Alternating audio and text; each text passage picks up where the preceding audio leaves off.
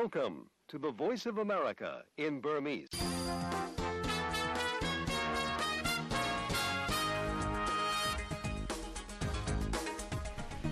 မင်္ဂလာမနက်ခင်းပါခင်ဗျာ။အမေရိကန်ပြည်ထောင်စုမြို့တော်ဝါရှင်တန် DC ကနေ2024ခုနှစ် February 19ရက်တနင်္လာနေ့မနက်ပိုင်း6နာရီကနေ9နာရီထိ VOA မြန်မာပိုင်းရုပ်သံအစီအစဉ်တွေကိုစတင်ထုတ်လွှင့်နေပါပြီ။ ရေဒီယိုကလည်း လိုက်ဒိုမီတာ32နဲ့49လိုက်ဒိုမီတာ190အပြင် VOA ရဲ့ YouTube နဲ့ Facebook စာမျက်နှာတွေကလည်းကြီးစုနားဆင်နိုင်ပါတယ်။ကျွန်တော်တမောင်သားပါ။။ပါလက်စတိုင်းတိုင်းပြည်ထူထောင်ရေးကိုအသိအမှတ်ပြုဖို့အမေရိကန်ပါဝင်နိုင်ငံတကာရဲ့တောင်းဆိုချက်တွေကိုအစ္စရေးကပယ်ချလိုက်ပါတယ်။ ပင်လယ်နီဒေသအတွင်းဟူသီအဖွဲ့ရဲ့တိုက်ခိုက်မှုတွေကိုကာကွယ်ဖို့ပင်လယ်နီတဲကဟူသီပစ်မှတ်တွေကိုအမေရိကန်တပ်ဖွဲ့တွေက၅ချိန်တိုက်ခိုက်ခဲ့တယ်လို့အမေရိကန်စစ်ဘက်ကကြေညာပါတယ်။ကွယ်လွန်သွားတဲ့ရုရှားတိုက်ခိုက်ခေါင်းဆောင်နယ်ဗယ်နီကိုအောက်မေ့တဲ့အနေနဲ့မော်စကိုမြို့က Solovetsky Stone ကြောက်တိုင်မှာရုရှားဆိုင်ရာအမေရိကန်တမန်ကြီးတွားရောက်ဂါဝရပြုခဲ့ပါတယ်။အဲလိုထိတ်တန်းရောက်သတင်းတွေပြေထိုင်းနိုင်ငံချင်းမိုင်ခရိုင်မှာထိုင်းနိုင်ငံတိုင်းရင်းသားကကိုင်ဆောင်ထားတဲ့မြန်မာနွယ်ဘဝရှမ်းမျိုးသားမောင်းလာတဲ့ကားပုံကနေ ICE မွေးစေးတရန်ကျော်ဖန်စီမိတဲ့သတင်းကိုလည်းကြည့်ရှုနားဆင်ရမှာဖြစ်ပါတယ်။အဖတ်စီစီစဉ်မှာတော့ကမ္ဘာမြန်မာမီဒီယာမြင်ကွင်း ISP မြန်မာရဲ့မြင်ကွင်းကျယ်မှတ်စုများမြန်မာပြည်မှပေးစာတဲ့ထူးခြားစံပြသတင်းများစတဲ့အပတ်စဉ်ကဏ္ဍတွေကိုလည်းတင်ဆက်သွားဖို့ရှိပါတယ်။အခုရေဆုံးတော့ဒီကနေ့မနေ့ထိတ်တန်းရောက်သတင်းတွေကိုနန်းတော်ကပြောပြပါမယ်။ ပါလက်စတိုင်းကိုနိုင်ငံတော်အဖြစ်အသိအမှတ်ပြုရေးအမေရိကန်အပါအဝင်နိုင်ငံတကာရဲ့တောင်းဆိုချက်ကိုအစ္စရေးကတနင်္ဂနွေနေ့မှာပယ်ချလိုက်ပါတယ်။အဲဒီသဘောတူညီမှုမျိုးကိုစေစံညှိနှိုင်းမှုနဲ့သာရနိုင်မယ်လို့လည်းပြောပါတယ်။ပါလက်စတိုင်းနိုင်ငံတော်အဖြစ်သတ်မှတ်ရေးနဲ့ပတ်သက်တဲ့သူ့အစိုးရအဖွဲ့ကတခဲနဲ့ဆုံးဖြတ်ချက်ကို အစ္စရေးဝန်ကြီးချုပ်ဘန်ဂျမင်နာတန်ယာဟုကတင်ပြခဲ့တာပါ။ပါလက်စတိုင်းတို့နဲ့နိုင်ငံတကာရဲ့အဲ့ဒီသဘောတူညီချက်ကိုအစ္စရေးဘက်ကပြစ်ပြတ်သားသားပယ်ချတယ်လို့လည်းကြေညာချက်မှာဖော်ပြထားပါတယ်။အစ္စရေးနိုင်ငံရဲ့တစ်ဖက်တစ်ချက်မှာရှိတဲ့ဂျော်ဒန်မြစ်အနောက်ဘက်ကနဲ့ဂါဇာဒေသကိုလွတ်လပ်တဲ့ပါလက်စတိုင်းနိုင်ငံအဖြစ်သတ်မှတ်ရေးကြိုးပမ်းမှုတွေဟာ2014ခုနှစ်ကတည်းကရပ်တန့်နေခဲ့တာပါ။ဒါပေမဲ့လည်းဂါဇာဒေသမှာအစ္စရေးနဲ့ဟာမတ်စ်တို့စစ်ပွဲဟာ9လထဲလာရောက်ရောက်လာနေပြီဖြစ်တဲ့အတွက်အမေရိကန်နဲ့တခြားနိုင်ငံတွေကတိုက်ပွဲတွေအဆုံးသတ်ဖို့ပါလက်စတိုင်းနိုင်ငံထူထောင်ဖို့ထပ်ပြီးတော့တောင်းဆိုလာတာဖြစ်ပါတယ်။အမေရိကန်သမ္မတဂျိုးဘိုင်ဒန်ကလည်းဆော်ဒီအာရေဗျနဲ့အရှေ့အလယ်ပိုင်းကအခြားအာရပ်နိုင်ငံတွေအပါအဝင်အစ္စရေးနဲ့ပုံမကျပြတ်တဲ့ပုံမှန်တန်တမန်ဆက်ဆံရေးရလာစေမဲ့သဘောတူညီချက်ရအောင်ဆောင်ရွက်ကြဖို့တောင်းဆိုလိုက်ပါတယ်။ဟူသီတပုံတွေထိန်းချုပ်ထားတဲ့ယီမင်နိုင်ငံနယ်မြေတွေထက်ကနေကုန်းကြောင်းနဲ့ရေကြောင်းတိုက်ခိုက်မှုတွေကိုကာကွယ်တားဆီးနိုင်ရေးအတွက်ပင်လယ်နီထဲကအမေရိကန်တပ်ဖွဲ့တွေကာကွယ်ရေးဆိုင်ရာတိုက်ခိုက်မှု၅ကြိမ်အောင်မြင်စွာပြုလုပ်ခဲ့တယ်လို့အမေရိကန်ပင်တဂွန်စစ်ဌာနချုပ်ကတနင်္ဂနွေနေ့မှာပြောပါတယ်။ ဆန္ဒဒေသခံညနေ3နာရီကနေ8နာရီကြားပြစ်ခတ်တိုက်ခိုက်ခဲ့တာဖြစ်တယ်လို့လည်းအမေရိကန်စစ်ဘက်ကပြောပါတယ်။ပင်လယ်နီထဲကကုန်တင်သင်္ဘောတွေကိုအီရန်နိုင်ငံကကြောတောင်နောက်ခံပေးထားတဲ့ဟူသီသူပုန်တို့ကထပ်ခါတလဲလဲတိုက်ခိုက်နေရာတွေရပ်တန့်သွားအောင်အမေရိကန်နဲ့မဟာမိတ်တို့ဘက်ကအခုလိုဆောင်ရွက်နေကြတာပါ။ တိုက်ခိုက်မှု၅ကြိမ်ထဲမှာအော်တိုဘာလကတည်းကစတင်နေခဲ့တဲ့ဟူသီတို့ရဲ့ UUV မောင်းသူမဲ့ရေအောက်သင်္ဘောကိုပြစ်မှတ်ထားတဲ့တိုက်ခိုက်မှုလည်းပါဝင်တယ်လို့ US Central Command အရှေ့အလယ်ပိုင်း American စစ်ကွပ်ကဲရေးဌာနရဲ့ထုတ်ပြန်ချက်မှာဖော်ပြထားပါတယ်။ဒါအပြင်သိပ်ပြီးတော့အသုံးပြုလေပြုထားမရှိတဲ့မောင်းသူမဲ့ရေရင် USV နဲ့တင်မောဖြက်ခရစ်စတုန်းတွေလည်းပါဝင်တယ်လို့ Senscom ကထုတ်ပြန်ပါတယ် စစ်တမ်းတင်ယီမင်နိုင်ငံထဲကဒေသအတော်များများကိုထိန်းချုပ်ထားတဲ့ဟူသီတပုံတို့ရဲ့ပင်လယ်နီထဲကတင်မောတွေကိုနိုဝင်ဘာလလောက်ကတည်းကစတင်တိုက်ခိုက်လာခဲ့တာဖြစ်ပါတယ်ယူကရိန်းနိုင်ငံအရှေ့ပိုင်းမှာလရင်းနဲ့ချီစစ်ပွဲတွေပြင်းထန်နေခဲ့ပြီးတဲ့နောက်မှာတော့ Avdiivka မြို့ကိုသိမ်းပိုက်လိုက်ပြီလို့ရုရှားစစ်ဘက်ကပြောပါတယ်။အဲ့ဒီမြို့ကနေတပုံတပ်ဖွဲ့တွေကိုပြန်ဆုတ်ဖို့အဲ့ဒီမြို့ထဲကနေအသက်ဖွဲ့တွေကိုပြန် ထုတ်ပြန်ဆုတ်ဖို့ ယူကရိန်းစစ်ဘက်အကြီးအကဲက ပြောဆိုလိုက်ပြီးနောက်တရက်မှာပဲ Avdiivka မြို့ကို သိမ်းပိုက်လိုက်ကြောင်း ရုရှားကာကွယ်ရေးဝန်ကြီးဌာနက ကြေညာခဲ့တာပါ။ ရုရှားတို့ထိန်းချုပ်လိုက်တယ်ဆိုတဲ့အဲ့ဒီမြို့မှာရုရှားတပ်တွေကိုယူကရိန်းတပ်ဖွဲ့တွေကစစ်အင်အားမမျှဘဲနဲ့လေးလကြာခံတိုက်နေခဲ့ကြတာဖြစ်ပါတယ်။ Avdiivka Coke နဲ့ Chemical Plant မှာနောက်ဆုံးကျန်နေတဲ့ယူကရိန်းတပ်ဖွဲ့တွေကိုဖယ်ရှားရှင်းလင်းနေတယ်လို့ရုရှားကာကွယ်ရေးဝန်ကြီး Sergei Shoigu ကရုရှားတာဝန်ရှိသူတွေစီအကြောင်းကြားခဲ့ကြောင်းရုရှားတို့ရဲ့ထုတ်ပြန်ချက်မှာဖော်ပြထားပါတယ်။ ရုရှားအစိုးရပိုင် RURTR ရုပ်သံကထုတ်ပြန်တဲ့ပုံရိပ်တွေမှာတော့ မြို့ထဲက အပျက်အစီးပုံတွေကြား ရုရှားတင့်ကားတွေ ဝင်ရောက်လာတာကို တနင်္ဂနွေနေ့မှာ ဖော်ပြခဲ့တာပါ။ရုရှားသမ္မတ ဗလာဒီမီယာပူတင်ကလည်း သူ့တပ်ဖွဲ့တွေကို ဂုဏ်ပြုသတင်းစကားပေးပို့ခဲ့တယ်လို့ TASS သတင်းအေဂျင်စီက ဖော်ပြပါတယ်။ရုရှားအစိုးရပြောခွင့်ရ Dmitry Peskov ကလည်း Avdiivka မြို့ကို သိမ်းပိုက်နိုင်တာဟာ အရေးကြီးတဲ့အောင်ပွဲတရပ်ဖြစ်တယ်လို့ ပြောပါတယ်။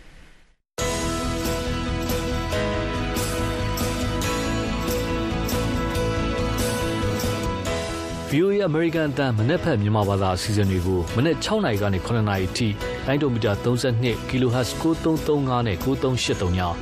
လိုင်းဒိုမီတာ49 kHz 6153ည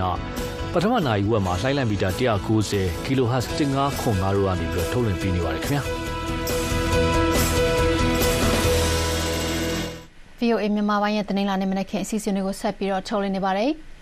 အာတိတ်ဆက်ပိုင်းအနေကအကျဉ်းထောင်မှာတောက်ကြနေကကွယ်လွန်သွားခဲ့တဲ့အသက်48နှစ်အရွယ်ရုရှားအတိုက်ခံခေါင်းဆောင်အလက်ဆီနာဗာလီကိုအောက်မေ့တဲ့အနေနဲ့မော်စကိုမြို့ကစလိုဗက်စကီစတုန်းကြောက်တိုင်စီကိုရုရှားဆိုင်ရာအမေရိကန်တပ်အမတ်ကြီးလင်းထရေစီတနင်္ဂနွေကတွားရောက်ကာရဝပြုခဲ့ပါတယ်။လေးစားအတူယူထိုက်တဲ့အလက်ဆီရဲ့ခွန်အားနဲ့ဆောင်ရွက်ချက်တွေကိုဂုဏ်ယူစွာမှတ်တမ်းတင်ထားပါမယ်လို့လည်းတပ်အမတ်ကြီးထရေစီကပြောဆိုခဲ့ပါတယ်။ အလက်ဆီနာဗလီနဲ့တကွနိုင်ငံရေးဖိနှိပ်မှုတွေကြောင့်တိတ်ဆုံးခဲ့ရသူတွေနဲ့မိသားစုဝင်တွေလှုပ်ဖော်ကိုင်းဖက်တွေနဲ့ထောက်ခံသူတွေအတွက်ဝမ်းနည်းပူဆွေးမှုလက္ခဏာအဖြစ် Solovsky Stone ကြောက်တိုင်းမှာလူတွေလာရောက်ကာရဝပြုကြတာပါဆိုဗီယက်ခေတ်ကဖိနှိပ်မှုတွေအတွက်ရည်စူးတဲ့မော်စကိုမြို့က Wall of Grief ဆိုတဲ့ကျေးဝါအဆောက်အုံနားမှာလဲအလက်ဆီတေဆုံးမှုကြောင့်ဝမ်းနည်းပူဆွေးနေတဲ့သူတွေဝင်မလာနိုင်အောင်လို့ရဲတို့ကအကအယံတွေချထားတာပါ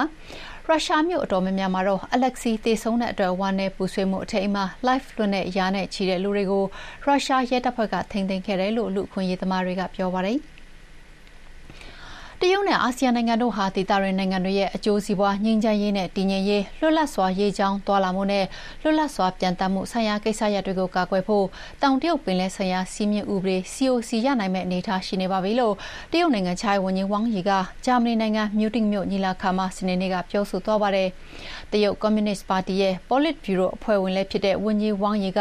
အကြိမ်60မြောက်ကျင်းပတဲ့မြူနစ်လုံခြုံရေးညီလာခံမှာအဲ့ဒီမိန့်ခွန်းမှာတောင်တရုတ်ပင်လယ်ပြင်အတွင်းတရုတ်တို့ကရန်လိုတဲ့လုပ်ရပ်တွေရှိတယ်ဆိုတာကိုတော့ညှင်းဆိုသွားပါတယ်။တောင်တရုတ်ပင်လယ်ဟာဟိုးအရင်ကတည်းကတရုတ်ပိုင်းနယ်မြေဖြစ်ပြီး1960နဲ့1980ပြည့်လွန်နှစ်တွေမှာအိန္ဒိချင်းနိုင်ငံတချို့ကတရုတ်ပိုင်းကျွန်းစုတွေကိုတစ်ခုပြီးတစ်ခုဝင်ရောက်သိမ်းပိုက်ခဲ့တဲ့အတွက်တရုတ်တို့ကတားမြစ်ရတာဖြစ်တယ်လို့လည်းပြောဆိုသွားပါတယ်။ တွေ့ဆုံညှိနှိုင်းမှုနဲ့အဖြေရှာဖို့ကြိုးစားပေမဲ့2002ခုနှစ်မှာတော့တောင်တရုတ်ပင်လယ်အရေးလိုက်နာဆောင်ရွက်ရမယ့်နည်းလမ်းတွေကိုတောင်တရုတ်ပင်လယ်တည်ငြိမ်အေးချမ်းရေးကိုအကာအကွယ်ပေးနေကြတဲ့အာဆီယံအဖွဲ့ဝင်၁၀နိုင်ငံနဲ့လက်မှတ်ရေးထိုးနိုင်ဖို့တရုတ်နိုင်ငံကတိုက်တွန်းခဲ့တာကိုလည်းဝန်ကြီးဝမ်ယီကထည့်သွင်းပြောကြားသွားပါတယ်။ကုလသမဂ္ဂအတွင်းမှုချုပ်ကဥဆောင်မှုနဲ့ကာတာနိုင်ငံဒိုဟာမြို့မှာနေရတာကျင်းပနေတဲ့အစည်းအဝေးတရက်ကို အာဖဂန်နစ္စတန်နိုင်ငံကအဆင့်မြင့်အရာရှိတွေတနင်္ဂနွေနေ့ကတက်ရောက်လာပေမဲ့လည်းတာလီဘန်ကိုယ်စားလှယ်တွေတက်ရောက်လာခြင်းရှိမရှိဆိုတာကတော့ရှင်းရှင်းလင်းလင်းမရှိပါဘူး။တနှစ်တာကာလအတွင်းဒုတိယအကြိမ်မြောက်ကျင်းပတဲ့အဲ့ဒီတကပိတ်အစည်းအဝေးမှာတော့အာဖဂန်နဲ့အတူအာရှတိုက်အလဲပိုင်းနိုင်ငံတွေနဲ့ပူးပေါင်းဆောင်ရွက်ရေးတိုးမြှင့်ဖို့ရည်ရွယ်ထားတာဖြစ်ပါတယ်။ 2021ခုနှစ်မှာ တာလီဘန်တို့ ပြန်လည်အာဏာယူအုပ်ချုပ်ခဲ့တဲ့နောက်ပိုင်း နိုင်ငံတကာအတိုင်းအဝိုင်းနဲ့ တာလီဘန်တို့ကြား ဆက်ဆံရေးတိစောက်နိုင်ဖို့ လုံပန်းနေခဲ့ကြတာပါ။အမေရိကန်နိုင်ငံနဲ့ တာလီဘန်တို့ကြား ငြိမ်းချမ်းရေးဆွေးနွေးပွဲတွေကို ကာတာနိုင်ငံက နှစ်တွေနဲ့ချီ လက်ခံကျင်းပပေးလာတာဖြစ်ပါတယ်။အစည်းအဝေး ပထမနေ့ အဆုံးသတ်ချိန်အထိ အာဖဂန်အစိုးရအရာရှိတွေရဲ့ ပါဝင်ပတ်သက်မှုက ရှင်းရှင်းလင်းလင်းမရှိခဲ့ပါဘူး။ ကုလသမဂ္ဂကထုတ်ပြန်တဲ့အစည်းအဝေးတက်ရောက်သူစာရင်းထဲမှာတော့အမေရိကန်၊တရုတ်၊ပါကစ္စတန်နဲ့ဥရောပသမဂ္ဂကကိုယ်စားလှယ်တွေကိုအသေးစိတ်ဖော်ပြထားပေမဲ့လည်းတာလီဘန်တာဝန်ရှိသူတွေရဲ့နာမည်ကိုတော့ဖော်ပြထားတာမတွေ့ရပါဘူး။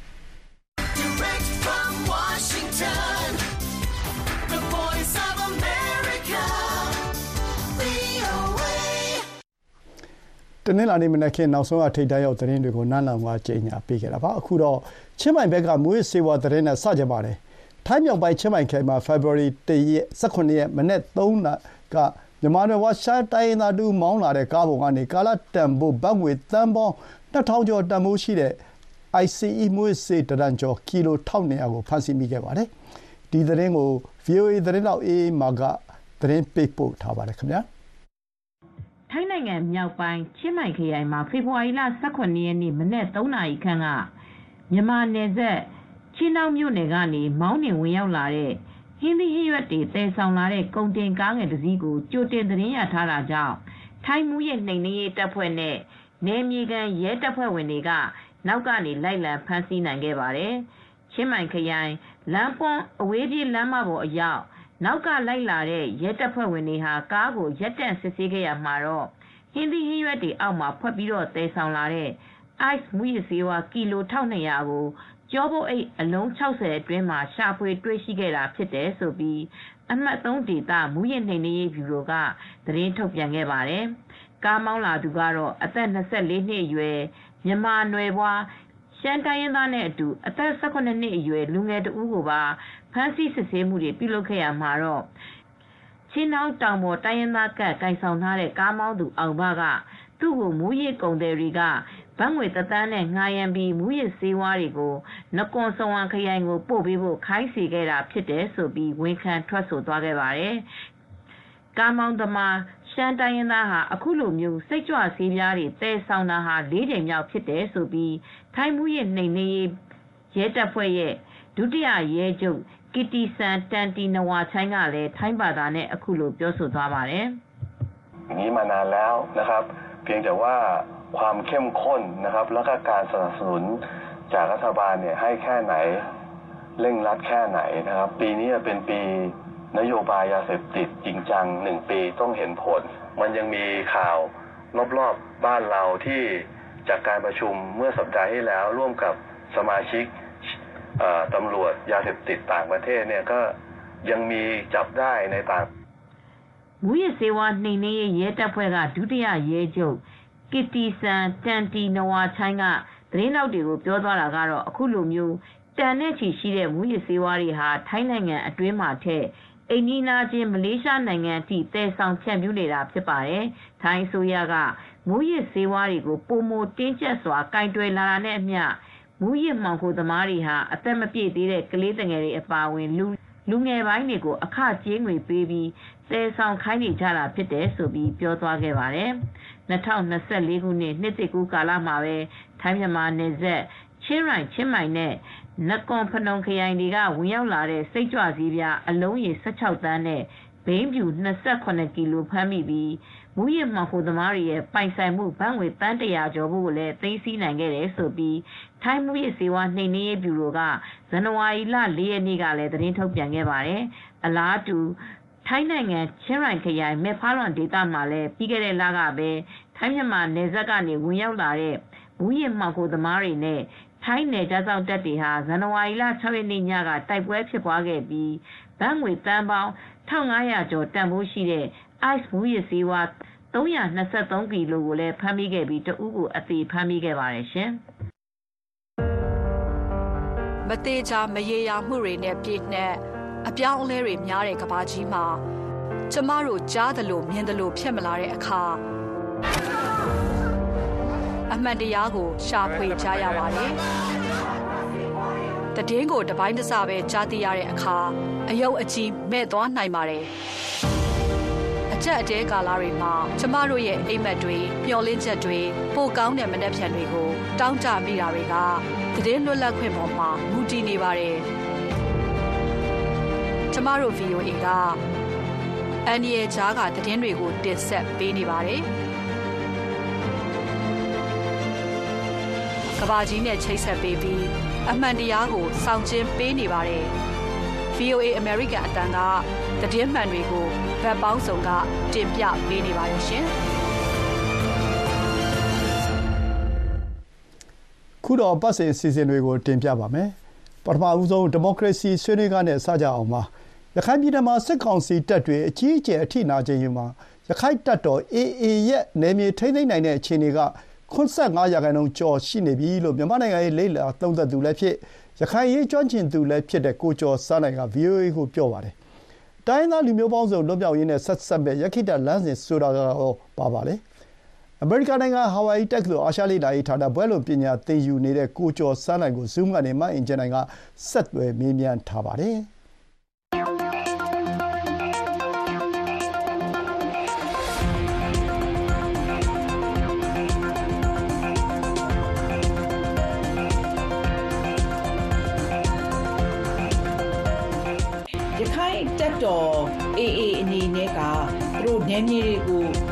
သိမ့်ပိုက်လာနိုင်တဲ့အခြေအနေဆိုပြီးတော့သတင်းတွေမှာလည်းတွေ့ရတယ်။နောက်ပြီးတော့သုံးသက်ရေးသားချက်တွေမှာဆိုလို့ရှိရင်လေစီရေးရမှာဆိုရင် AA ကအပေါ်စီးကနေပြီးတော့စီရေးရအောင်မြင်မှုတွေရှိလာနေရဲဆိုတော့ရခိုင်ပြည်နယ်မှာဘယ်နေရာခိုင်နှုန်းကြီးသိမ့်ပိုက်ထားနိုင်တဲ့အနေအထားရှိနေပြီလဲရှင်။ဆိုတော့ရခိုင်နှုန်းအရဆိုရင်ပေါ့နော်အာ ပပြောရရင်ဒီ85ရာခိုင်နှုန်းကြိုကြိုထိအောင်ဒီခိုင်းတက်တော်ရဲ့ဒီရဲ့ဒီစေးရေးလက်အောက်ထက်မှာရှိနေတယ်ဆိုလို့ရတယ်ပေါ့။ဘာကြောင့်လဲဆိုတော့ဒီအခုရခိုင်မှာဖြစ်နေတဲ့ဟာကမျိုးပေါ်မှာကနည်းနည်းလေးပဲဖြစ်နေတာပေါ့။မျိုးပေါ်မှာပဲဖြစ်လာတာပေါ့။နေတွေအကုန်လုံးကတိတ်ပွေးမဖြစ်တော့ဘူး။အခုကမျိုးပေါ်ကိုရောက်တော့တဲ့အတွက်ကြောင့်ဒီမျိုးသိန်းတိတ်ပွေးပဲရှိဆန်နွှဲနေတဲ့သဖို့ဖြစ်သွားတာပေါ့။ဆိုတော့ဒီသုံးပုံနှစ်ပုံသုံးပုံနှစ်ပုံလောက်ရဲ့ဒီရခိုင်ရဲ့နေမြေသုံးပုံနှစ်ပုံလောက်ကိုရခိုင် တက်တို့လက်ထက်မှာရောက်တယ်လို့ပြောလို့ရတယ်လို့85ရာခိုင်နှုန်းလောက်ကိုလေရခိုင်တက်တို့ရဲ့လက်ထက်ကိုရောက်နေတယ်ဆိုလေပြောလို့ရတယ်ပေါ့ဟုတ်အဲ့တော့ဒီမျိုးသိန်းတိုက်ပွဲတွေပေါ့နော်အဲ့ဒါဆိုလို့ရှိရင်စီရေးအရာကြည့်မယ်ဆိုလို့ရှိရင်အရေးပါတဲ့မျိုးတွေကိုအေဘက်ကဟိုသိန်းပိုက်လာနိုင်တဲ့အနေအထားတွေမှာဆိုရင်ဘယ်မျိုးတွေလဲပေါ့နော်အဓိကပထမဦးဆုံးဒီတင်းတဲ့မြို့ပေါ့နော်ဒီပလဲဝါဆိုရင်လည်းကလဒန်စီမံကိန်းရှိတယ်အိန္ဒိယဘင်္ဂလားဒေ့ရှ်နဲ့ဆက်ဆက်နေတဲ့မြို့ပေါ့ ဒါဒီဒီမှာအလုံးပုံစံမျိုးဆက်ဆက်နေတဲ့မြို့ကမြန်မာနိုင်ငံမှာရောအလုံးပုံစံမျိုးရှားတယ်ပေါ့နော်ဆိုတော့ဒီဘက်ကဘင်္ဂလားဒေ့ရှ်ရှိတယ်ဒီဘက်မှာအိန္ဒိယရှိတယ်ပြီးတော့ဒီပလဲဝါနဲ့ဆက်ဆက်နေတဲ့ဟာကရခိုင်ပြည်နယ်3 4 5မျိုးနေနဲ့တစ်ဆက်တည်းဆက်ဆက်နေတာရှိတယ်ဒီပလဲဝါမျိုးနေနဲ့လေဆိုတော့အဲ့ဟာအကြောင်းတစ်ခုရှိမှာပေါ့ဒုတိယတစ်ခုကအာအခုမောင်တိုးပေါ့နော်မောင်တိုးမှာဆိုရင်အဓိကအရေးအဓိကမောင်တိုးမှာအခုအရန်ဖြစ်နေတဲ့ဟာကမောင်တိုးဆိုရင်လည်းဘင်္ဂလားဒေ့ရှ်နဲ့အဓိကဆက်ဆက်နေတယ်ဘင်္ဂလားဒေ့ရှ်ရဲ့အဓိကဝန်ပေါက်ထွက်ပေါက်ဖြစ်နေတာပေါ့ ဒီကုန်သွယ်စီးဆင်းမှုဖြစ်ဖြစ်စီးပွားရေးရဖြစ်ဖြစ်ဒီအကုန်လုံးဒီဒီဘင်္ဂလားဒေ့ရှ်နဲ့ဆက်ဆက်နေတဲ့ဟာမောင်တိုးပေါ့ဒီဘက်မှာဆိုတော့နောက်တစ်ခုကစေးရေးရလို့လေပြောလို့ရတယ်ပေါ့နော်ဒီရခိုင်လူထုရဲ့ဒီပါဝါမုံကိုတိုးမြှင့်ပေးလိုက်တဲ့ဆိုတဲ့ဟာကမြောက်ဥပေါ့ဆိုတော့ဒီမြောက်ဥကိုတင်ပက်လိုက်တဲ့ဟာကဒီရခိုင်လူထုရဲ့စိတ်ပိုင်းဆိုင်ရာအာဒီတွန်လိုင်းထက်မှာသူတို့ရဲ့ပါဝင်ပတ်သက်မှုနောက်တစ်ဆင့်ကိုမြင့်တက်မြင့်တက်သွားတယ်ပေါ့နော်နေပေါင်း240နေပါအာသူတို့ရဲ့ဒီ အာလက်ထက်မှာသူများလက်ထက်မှာဆိုလို့ရတာပေါ့နော်ဆိုတော့ဒီဒီဘက်မှာဒီ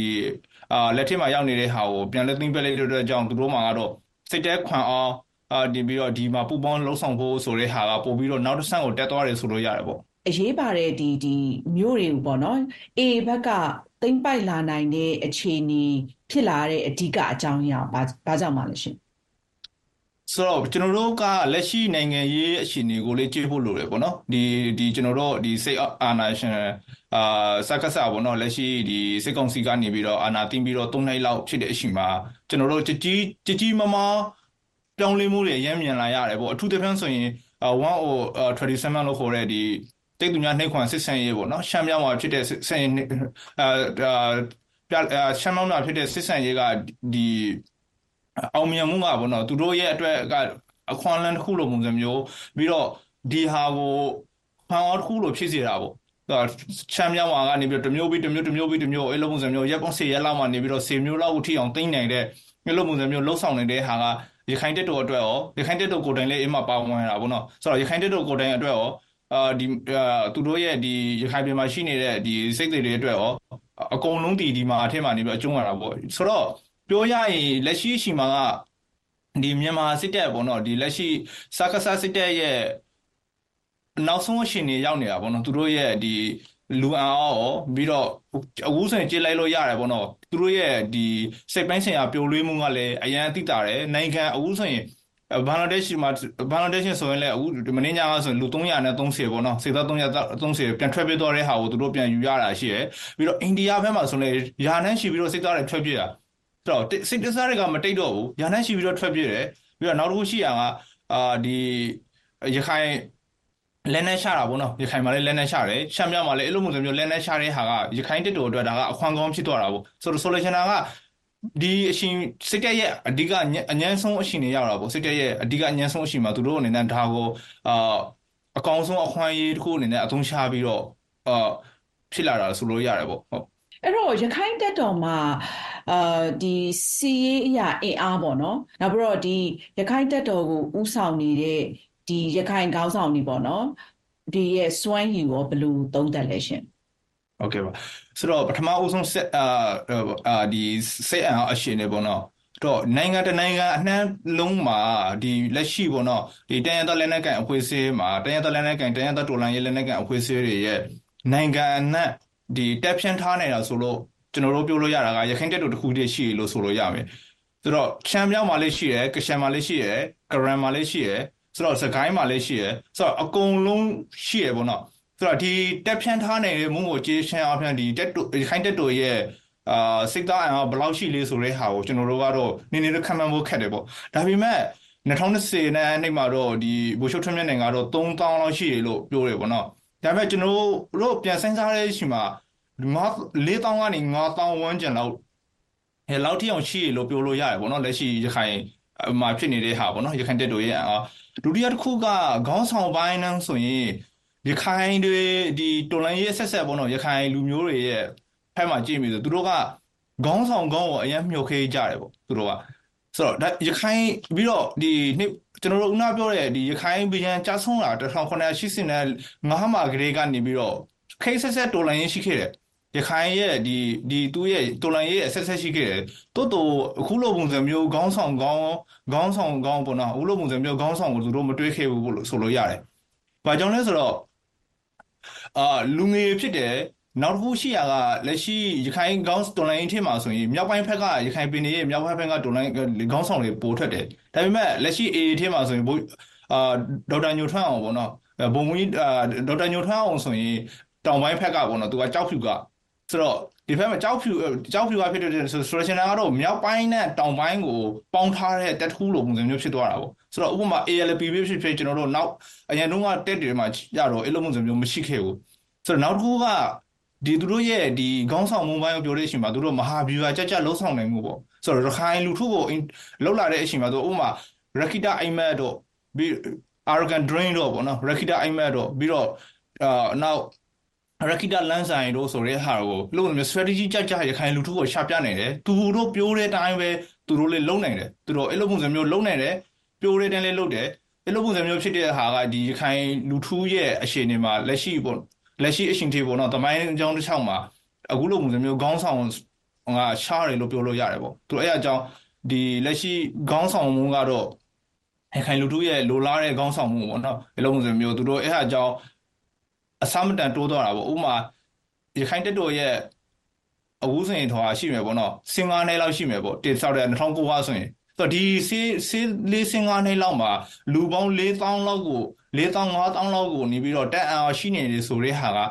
ဆိုတော့ဒါကတော့အမခန့်ပါပဲပေါ့နော်သူတို့ရဲ့ခေါင်းဆောင်မှုစွမ်းရည်လှုပ်ဆောင်မှုစွမ်းရည်ကတော့အဲလေးစားစရာတော့ကောင်းပါတယ်လို့မြင်တယ်ဟုတ်အဲ့တော့စောစောပြောထားတဲ့ဒီရခိတလမ်းစဉ်ပေါ့နော်ဒီရခိတအိမ်မက်ဟိုရည်မှန်းချက်ဖြစ်တဲ့ဟိုရခိုင်ပြည်လွတ်မြောက်ရေးဆိုတဲ့အပိုင်းမှာ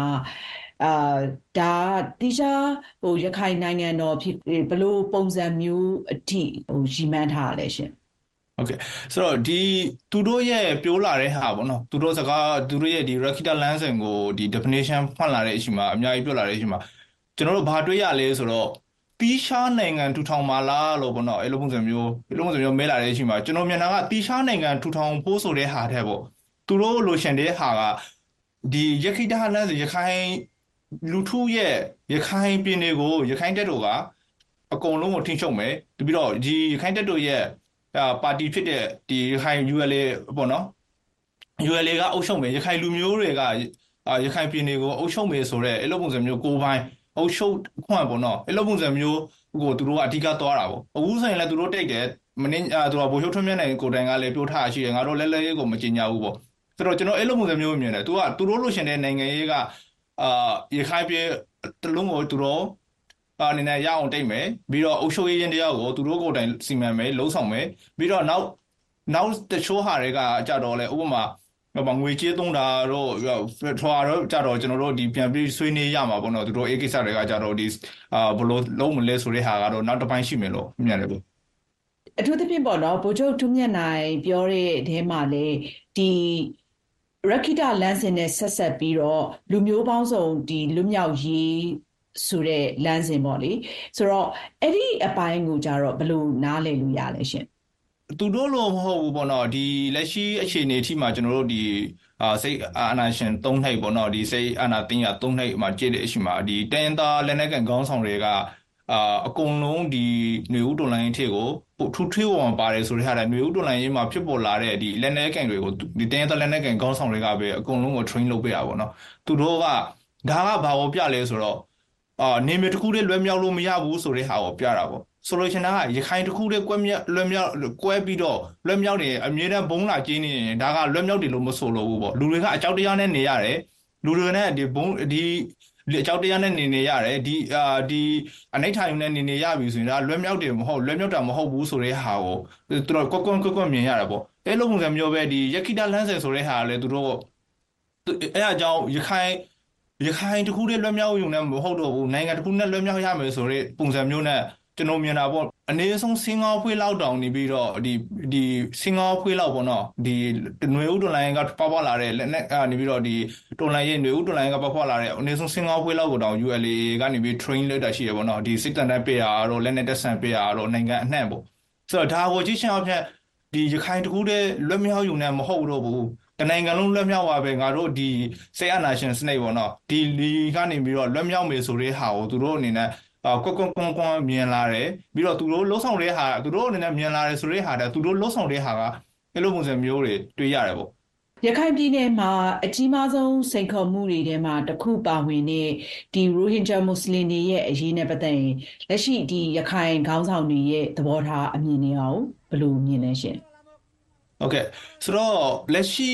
မှာပေါ့နော်ဒီအရေးနဲ့ပတ်သက်လာပြီဆိုရင်ရခိုင်ဖက်ကလူတွေကလည်းအရင် sensitive ဖြစ်တယ်ပေါ့နော်ဆိုတော့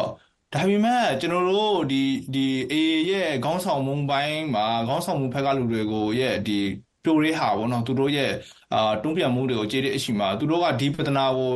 အာဖြည့်ရှင်းရှန်တယ်ပြီးတော့ဖြည့်ရှင်းရှန်ဖို့ဖြည့်ရှင်းဖို့အတွက်လည်းသူတို့မှလည်းလှုပ်ဆောင်နေတဲ့အပိုင်းလေးရှိရှိမယ်ပေါ့နော်ဖြည့်ရှင်းရှန်တယ်သူတို့ကိုယ်တိုင်ကလည်းဒါကိုအာ အာဒါကိုနေပြီးတော့ဘယ်လိုပြောမလဲစိတ်ထားမှန်မှန်နဲ့ဖြည့်ရှင်းဖို့စူးစမ်းတာလေးတွေ့ရတယ်ဒီဥပမာဒီဘင်္ဂလားဒေ့ရှ်ဘက်ကိုရောက်နေတဲ့ ranger တွေကိုဒီဘက်ကနေပြီးတော့သူတို့အနေနဲ့အာတော့ပြန်လာဖို့အတွက်အခြေအနေကိုအဲ့လိုပုံစံမျိုးပြောတဲ့ဟာတွေရှိပြီပေါ့နော်သူတို့လက်ခံပေးဖို့ဆိုတဲ့ဟာတွေသူတို့အနေနဲ့နောက်တစ်ခုရှိတာကဒီဒီပြဿနာကိုဖြေရှင်းဖို့အတွက်အာဒီနိုင်ငံတကာအဖွဲ့အစည်းတွေကိုလည်းသူတို့နဲ့ပူးပေါင်းဆောင်ရွက်ဖို့ပြောထားတာတွေလည်းတွေ့ရတယ်ပေါ့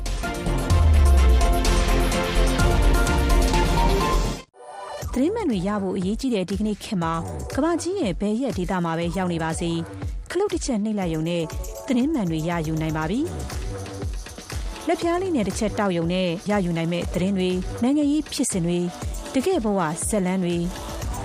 one click ခလုတ်တစ်ချက်နှိပ်ရုံနဲ့ကမ္ဘာရဲ့ရက်ကအတန်တွေကိုချိတ်ဆက်နားဆင်နိုင်မှာဖြစ်ပါတယ်။ဘယ်ချိန်ဘယ်နေရာကပဲဖြစ်ဖြစ် VOA Plus application ကို download ရယူပါ။ 2010မှာ စစ်ဆိုးရထုတ်ပြန်ခဲ့တဲ့ စစ်မှုတန်းဥပဒေကို အကောင့်ထဲဖော်တော့မဲ့အာဏာသိမ်းစစ်ကောင်စီရဲ့ အစီအစဉ်ကြောင့် ပြည်တွင်းပြည်ပမှာရက်ရိုက်ခတ်နေပါတယ်။ကမ္ဘာမြမမီဒီယာမြေခွန်းမှာစောင်းပါရှင် ပြည်သိမ်းနိုင်တဲ့ အလိမ္မာတို့ကအခုလို တင်ဆက်ထားတာ ကြည့်ကြအောင်ပါ။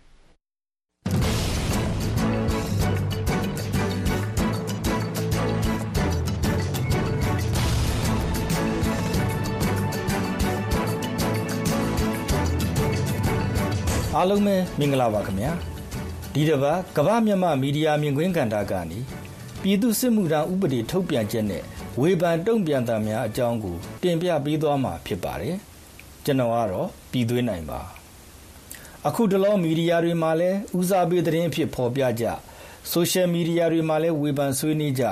ပြည်သူတွေကြားမှာလည်းအထိတ်တလန့်နဲ့စိုးရိမ်ပူပန်နေကြတဲ့သတင်းကတော့ပြည်သူစစ်မှုထမ်းဥပဒေပြဋ္ဌာန်းတဲ့သတင်းပဲဖြစ်ပါတယ်။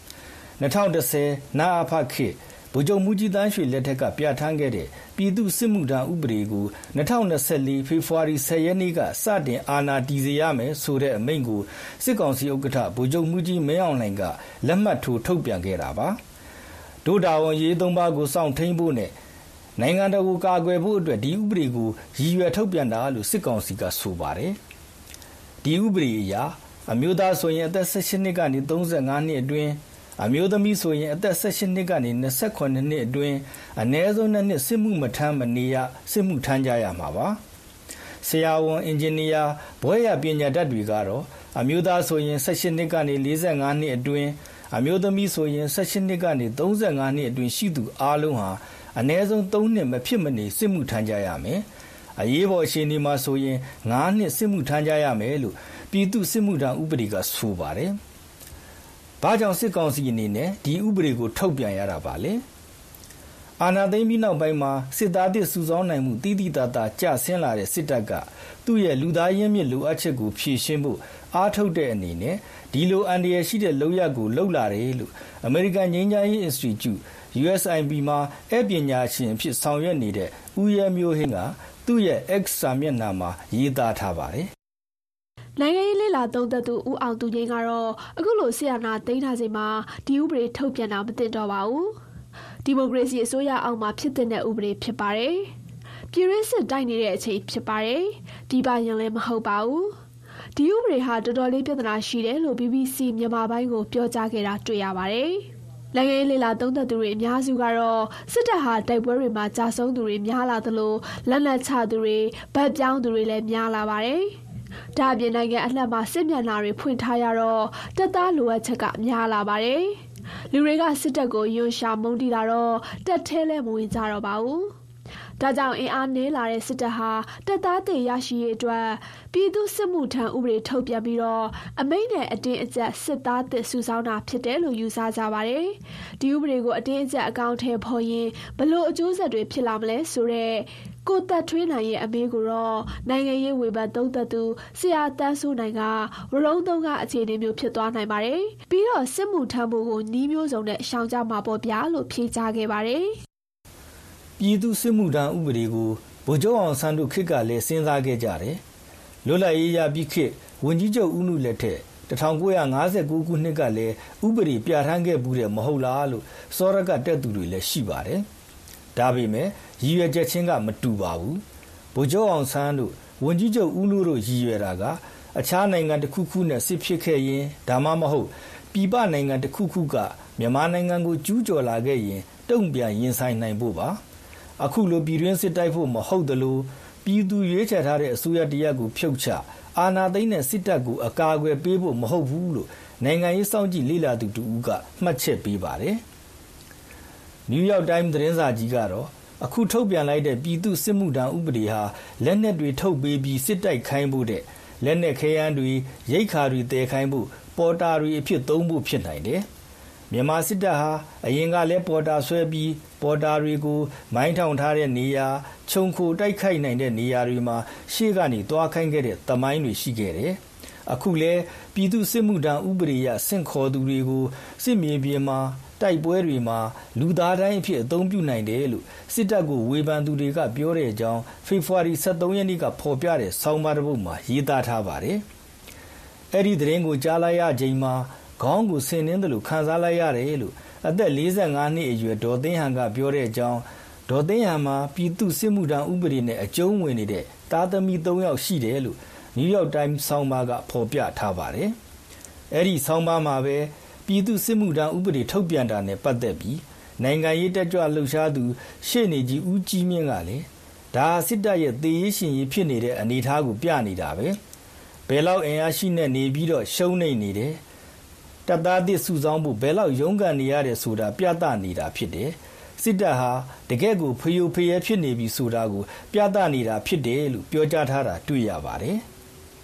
အမျိုးသားညီညွတ်ရေးအစိုးရကတော့စစ်ကောင်စီရဲ့ပြည်သူစစ်မှုထမ်းဥပဒေကိုကြေညာချက်တစ်စောင်ထုတ်ပြန်ပြီးတော့ကန့်ကွက်ထားတာတွေ့ရပါတယ်။စစ်ကောင်စီရဲ့ထုတ်ပြန်ချက်ဟာတရားမဝင်တဲ့ထုတ်ပြန်ချက်ဖြစ်ပြီးတော့ပြည်သူလူထုအနေနဲ့လုံးဝလိုက်နိုင်ရမလို့ပါဘူး။ဒီဥပဒေကြောင့်ပြည်သူလူထုကြုံတွေ့ရမယ့်ဘေးဒုက္ခများရော့နှဲစေဖို့အမျိုးသားညီညွတ်ရေးအစိုးရအနေနဲ့မဟာမိတ်များနဲ့ပူးပေါင်းပြီးတော့လိုအပ်တဲ့ကာကွယ်မှုတွေကူညီမှုတွေလှုံ့ဆော်သွားမယ်လို့ NUG ကြေညာချက်မှာဖော်ပြထားပါတယ်။ဒါ့အပြင် NUG ကြေညာချက်မှာဆရာနာရှင်စနစ်နဲ့အကြမ်းဖက်ဆဲအုပ်စုကိုအမြင့်ပြတ်ချေမှုန်းနိုင်မှသာပြည်သူအသက်အိုးအိမ်စည်းစိမ်လုံခြုံမှုနဲ့လွတ်လပ်မှုအပေါ်အာဓမချိန်ချမှုတွေကလွတ်မြောက်နိုင်မှာဖြစ်ပါတယ်။ဒါကြောင့်ပြည်သူလူထုအနေနဲ့တော်လှန်ရေးအင်အားစုတွေနဲ့ပူးပေါင်းပါဝင်မှုအရှိန်ကိုမြင့်တင်ကြပါလို့ NUG ကြေညာချက်မှာတိုက်တွန်းထားတာတွေ့ရပါတယ်။ပြည်သူစစ်မှုထမ်းဥပဒေအပါအဝင်လက်ရှိမြန်မာပြည်သူတွေကြုံတွေ့နေရတဲ့စိုးရိမ်ထိတ်လန့်မှု မလုံခြုံမှုနဲ့ဆင်းရဲဒုက္ခတွေဟာ2021ဖေဖော်ဝါရီ1ရက်စစ်တပ်ကအာဏာသိမ်းမှုရဲ့အကျိုးဆက်တွေကြောင့်ဆိုတာထင်ရှားလာပါတယ်။ဒီအကျိုးဆက်တွေကလွတ်မြောက်ဖို့ဆိုရင်တော့စစ်အာဏာရှင်စနစ်ချုပ်ငြိမ်းဖို့လိုပါမယ်။နိုင်ငံရေးအကဲခတ်တူကတော့စစ်ကောင်စီပြုတ်ကျဖို့စစ်အာဏာရှင်စနစ်ချုပ်ငြိမ်းဖို့ဆိုရင်အခုဆင်နွှဲနေတဲ့ဒေါ်လာရေးကြီးအောင်မြင်ဖို့လိုပါတယ်။ ဒေါ်လာရေးအောင်မြင်ဖို့ဆိုရင်ဒေါ်လာရေးအင်အားစုတွေကြားစီရေးအရာပူးပေါင်းဆောင်ရွက်ကြဖို့ လိုအပ်တယ်လို့အခြေခံနိုင်ငံရေး သဘောတူညီချက်တွေ ရရှိဖို့လည်း လိုအပ်ပါတယ်။အမေရိကန်ပြည်ထောင်စု ငြိမ်းချမ်းရေး Institute USIP က မှတ်ချက်ပေးသလိုပါပဲဒေါ်လာရေးအင်အားစုတွေဟာ စစ်မြေပြင်မှာ တိုက်ပွဲတွေ ပိုအားကောင်းလာပြီမယ်လို့ နိုင်ငံရေးအရ တိုးတက်မှုကတော့ နှေးကွေးနေတယ်တဲ့ အဲ့ဒီတော့ ပူပေါင်းဆောင်ရွက်မှုကြောင့်တိုက်ပွဲတွေအားကောင်းလာသလိုနိုင်ငံရေးတိုးတက်မှုအားကောင်းလာအောင်လဲကြိုးစားကြဖို့လိုပါတယ်လို့အကြံပြုပြောကြားပါတယ်ခင်ဗျာ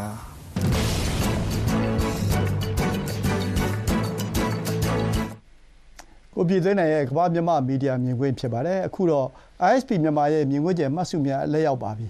ISP မြန်မာကတော့စစ်မှုထမ်းမတရားဥပဒေပေါ်ဘလို့များမြင်ပါသလဲဆက်လက်ရှုစားကြည့်ရှုကြပါ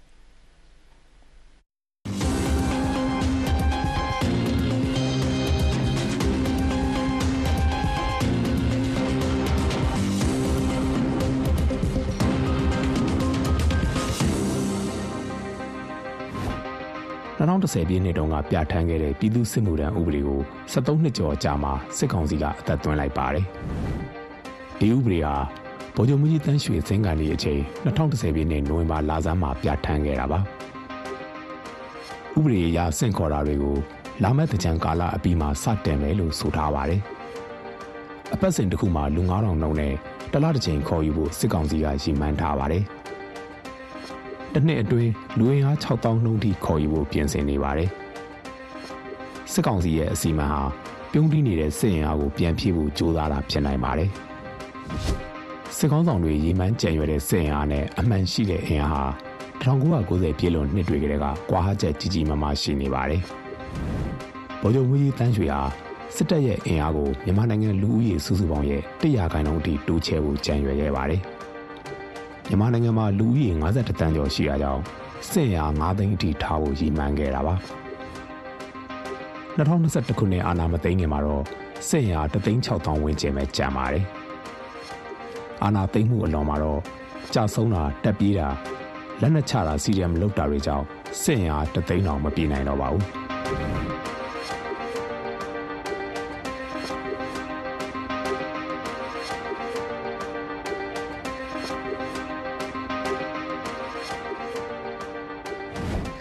တရင်တပ်ဖွဲ့ဖွဲ့စည်းပုံတွေရာထားချက်မပြည့်မီတော့ပဲစက်တိုက်ကြဆင်းလာတာကိုလည်း ISP မြန်မာရဲ့သူတေသနာလေးလာမှုတွေရာတွေ့ရပါတယ်။စစ်တပ်ဟာတိုက်ခတ်ရေးတရင်တရင်ကိုအင်အား920ကနေ950အထိဖြည့်တင်းမှုရာထားပါတယ်။ဒါပေမဲ့အဲ့ဒီရာထားချက်ပြည့်မီအောင်ဘယ်ချိန်လုံးမှမဖြည့်ဆည်းနိုင်ခဲ့ပါဘူး။1990ပြည့်နှစ်တွေကတရင်တစ်ခုမှာအင်အား600ကျော်ရှိခဲ့ပေမဲ့အခုနှစ်ဇူလိုင်လမှာ132ဦးဝန်းကျင်သာကျန်ရှိပါတော့တယ်။ စစ်စင်ရဲ့တစ်တုံညာနှစ်ခွန်ကာလအတွင်းကုန်းချမ်းမှာလက်နက်ချခဲ့တဲ့ခလာရ125မှာဆိုရင်တပ်ဖွဲ့ဝင်အင်အား63ဦးပဲရှိပါတယ်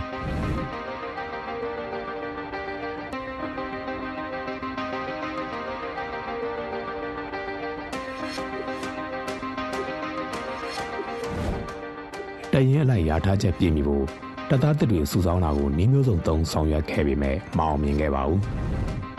တနစ်ကိုတပ်သားသစ်9600ဝန်းကျင်စုနိုင်မှုရထားတာကိုလေ့လာမှုတွေအရသိရပါတယ်။2020ပြည့်နှစ်မတိုင်ခင်အထိတလမှာတပ်သားသစ်1000ဝန်းကျင်ပဲစုနိုင်ခဲ့ပါတယ်။အဲ့ဒီစုဆောင်းမှုတွေမှာတပ်ပြေးသူကလည်းတလ400ဝန်းကျင်ပုံမှန်ရှိနေကြတာပါ။အတရင်စုဆောင်းနိုင်တာကတစ်နှစ်စာမျှော်မှန်းချက်ရဲ့9.5ရာခိုင်နှုန်းပဲရှိပါတယ်။အဲ့ဒီလိုအခြေအနေတွေမှာပြည်သူ့စစ်မှုထမ်းဥပဒေကိုအသက်သွင်းလိုက်တာပါ။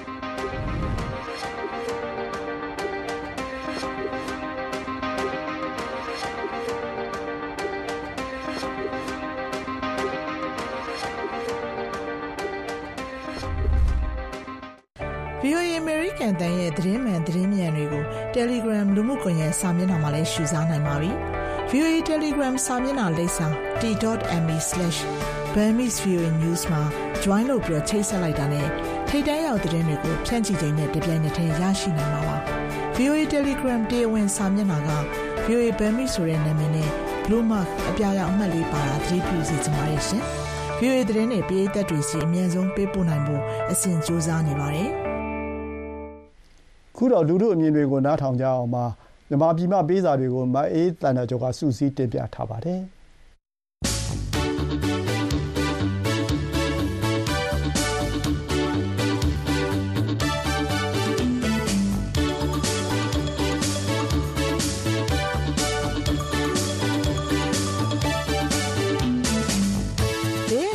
ရှင်းပြီးတော့မင်္ဂလာပေါင်းနဲ့ပြည့်စုံတဲ့နေ့ဖြစ်ပါစေသောရရှိမြတ်ရှင် VOA ကိုရေးလာတဲ့သောရရှင်တွေရဲ့ပေးစာတွေအီးမေးလ်တွေပြီးတော့ VOA မြန်မာပိုင်း Facebook စာမျက်နှာပေါ်မှာလာပြီးတော့ရေးကြတဲ့သောရရှင်တွေရဲ့မှတ်ချက်တွေနဲ့ Messenger ကစာတွေကိုမြန်မာပြည်ကပေးစာများအစီအစဉ်ကနေပြန်ကြားပေးပါရမရှင်အခုအရင်ဦးဆုံးသောရရှင်တွေရဲ့မှတ်ချက်တိုတွေနဲ့စာချင်ပါတယ်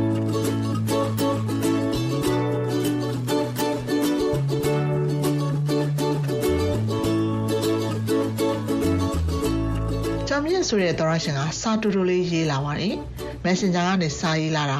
အမြဲတမ်းထောင်မြစ်တာရွှေတုမကပါတဲ့။ဟုတ်ကဲ့ပါရှင်။ကျေးဇူးအထူးပါနော်။ဘေးကင်းကျန်းမာပါစေလို့ဆုတောင်းပေးပါရစေ။အခုတော့ဒီတလောမြန်မာပြည်သူတရလုံးရင်ပူစိတ်တော့ကအကြီးကျယ်ရောက်နေရတဲ့ကိစ္စတစ်ခုနဲ့ပတ်သက်ပြီးတော့သောရရှင်တွေကိုပိုင်ထင်မြင်ယူဆချက်တွေရေးလာတဲ့စာတွေကိုဖော်ပြပေးတော့ပါမယ်။ လူလူတရက်လုံးရင်ပူနေတယ်ဆိုတော့သရရှင်နေတိလောက်ပြီးထင်ပါတယ်နော်ဟုတ်ပါတယ်မြန်မာနိုင်ငံမှာနိုင်ငံသားတွေပဲဖြစ်မနေစစ်မှုတန်းရမယ်ဆိုတဲ့ကိစ္စပါဒီမှာသရရှင်တယောက်ကငရဲပြည်မှာပေးစာ sorry မြန်မာပြည်မှာပေးစာဆိုတော့မြန်မာပြည်ကိုငရဲပြည်နဲ့တင်စားပြီးရေးလာတဲ့စာကိုဖော်ပြပေးချင်ပါတယ်ကျွန်တော်ကဘာမှသုံးစားလို့မရတော့တဲ့သရိုးမဟာသတိသူတို့မှာအောင်ပဒန်းမှာမင်္ဂလာပါ VOA လို့နှုတ်ခွန်းဆက်တာဖို့လဲအားရင်ကုန်ခန်းနေပါပြီ။ ဘာလို့အာရင်ကုန်ခန်းနေလဲဆိုတော့ကုံစည်းနှုံးကမိဘဂျေဇူးမြင့်မှုတောင်ထက်ကြီးမားနေလို့ပါစစ်မှုမထမ်းမနေရဆိုတဲ့ဥပဒေအကြောင်းနဲ့ပတ်သက်ပြီးတော့ကျွန်တော်ရဲ့သဘောထားကို VOA ကတဆင့်စစ်ကောင်စီကိုပြောပြပေးပါကျွန်တော်ကစစ်မှုလည်းထမ်းကျင်ပါတယ်စစ်ထဲလည်းဝင်ကျင်ပါတယ်ဗိုလ်ချုပ်မှုကြီးယာရူးကိုတခါတည်းရမယ်ဆိုရင်ပေါ့လေကျေးဇူးတင်ပါတယ် VOA ဝမ်းတော်သူဝမ်းတော်သားအားလုံးကျမ်းမာနေကောင်းကြပါစေမြမပြည်ကြီးလည်းအမြန်ငြိမ်းချမ်းပါစေဗျာ ပေးစုနဲ့ပြေးကြပါစေနော်ဟုတ်ကဲ့သူတို့မဟာသီရိသူဓမအောင်ပဒန်ရှင်ဘိုးချုပ်မှုကြီးရာတို့ရပြီဆိုရင်လဲစာရေးပြီးတော့ပြောပြပါအောင်လို့မှာချင်ပါတယ်နော်နောက်ထပ်သောရရှင်ပခုတ်ကူကကိုမျိုးကတော့စာမရေးဖြစ်တာလဲကြာပေါ့ကျွန်တော် VOA ကိုတော့အမြဲလိုလိုနားထောင်ဖြစ်နေပါတယ် အခုလဲအိတ်မပြောလို့ မြန်မာနိုင်ငံရဲ့လက်တလော အလှုပ်ခတ်ဆုံး စစ်မှုမထမ်းမနေရ ဥပဒေ ပြဋ္ဌာန်းချက်ဆိုတာကြီးအပေါ်ဘလို့မှ လက်သင့်ခံနိုင်စရာ မရှိတဲ့အတွက် ရင်ဖွင့်ရတဲ့သဘောပါဗျာ အမှောင်မိုက်ဆုံးညတွေကိုဖျက်ဆီးနေရတယ်လို့အော် မြန်မာပြည်မှာ လူဖြစ်ရတဲ့ဒုက္ခရဲ့အစင်းရဲဆုံး အကြောင်းတရားတွေကို ပြောလို့တောင် ကုန်နိုင်ပွဲရမရှိတော့ပါဘူးဗျာ ခုတော့လဲမျော်လင့်ရှင်တန်ခြင်းမှာ လွတ်လပ်မျှတတဲ့ဘဝရဲ့အတိတ်ပဲရှိခြင်းတွေကသာ အမြန်ဆုံး ရရှိနိုင်ပါစေလို့ ဆုတောင်းရင်း VOA ဝိုင်းတော်သားအားလုံးလည်းပျော်ရွှင်ချမ်းမြေ့ကြပါစေခင်ဗျာပကောက်ကူကကိုမျိုးဖြစ်ပါတယ်ဒီသောရရှင်ကအမောင်မိုက်ဆုံးညတွေကိုဖြတ်တန်းနေရပါတယ်ဆိုလို့မမြဲတဲ့နီးရမှာသဘောတရားရဆိုရင်တော့အမောင်ဆိုတာလည်းအမြဲတမ်းရေရှည်တည်တတ်မဲ့အရာမဟုတ်ပါဘူးเนาะအမောင်လွင်တော့သေချာတာအမောင်လွင်ရောင်နေလာပြီးတော့အလင်းရမှာဖြစ်ပါတယ်เนาะ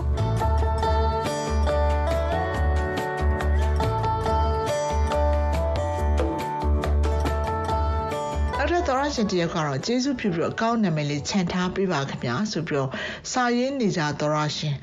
စာရှိရှိတစောင်ရေးလာတာပါ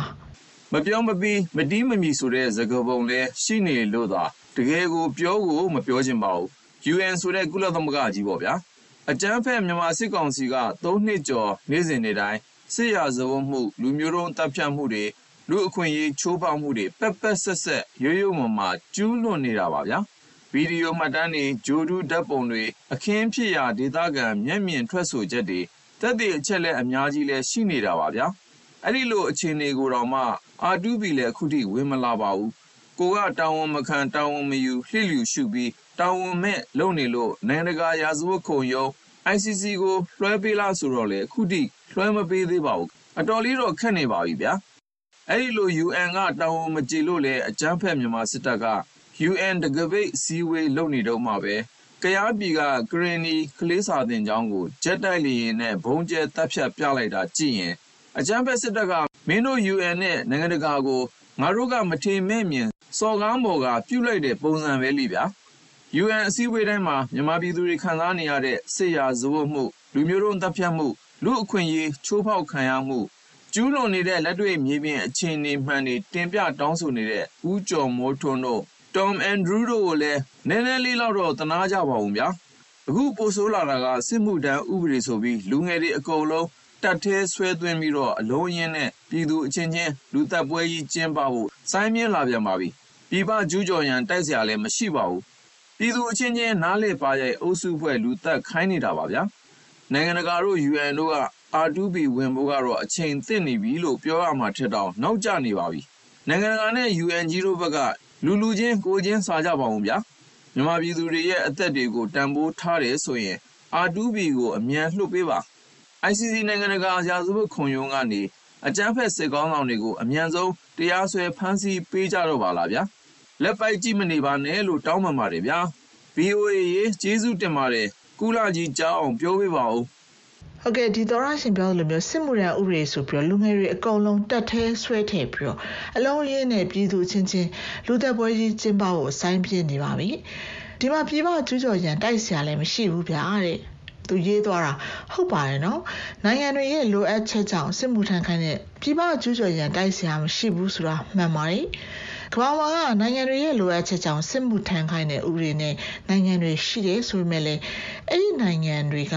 ဒီသောရရှင်ပြောသလိုမျိုးပြပရန်ရှိရှိဒါမှမဟုတ်ရင်လည်းပင်မစစ်တဲ့အရာကိုရှော့ချထားနိုင်အောင်လို့စစ်မှုထမ်းတဲ့စစ်သားတွေအားကိုယူပြီးတော့စစ်အင်အားဖြည့်တင်တဲ့နိုင်ငံမျိုးတွေအလဲကျစစ်မှုထမ်းခိုင်းတာဖြစ်ပါတယ်နော် မြန်မာနိုင်ငံမှာတော့အခုခေတ်အချိန်ကာလမျိုးမှာစစ်မှုထမ်းခိုင်းတာကပြည်ရင်းစီရေးပဋိပက္ခမှာအသုံးပြုမှာကျင်းနေတယ်လို့စောင့်ကြည့်အကဲခတ်တွေဝေဖန်သုံးသပ်နေတာဖြစ်ပါတယ်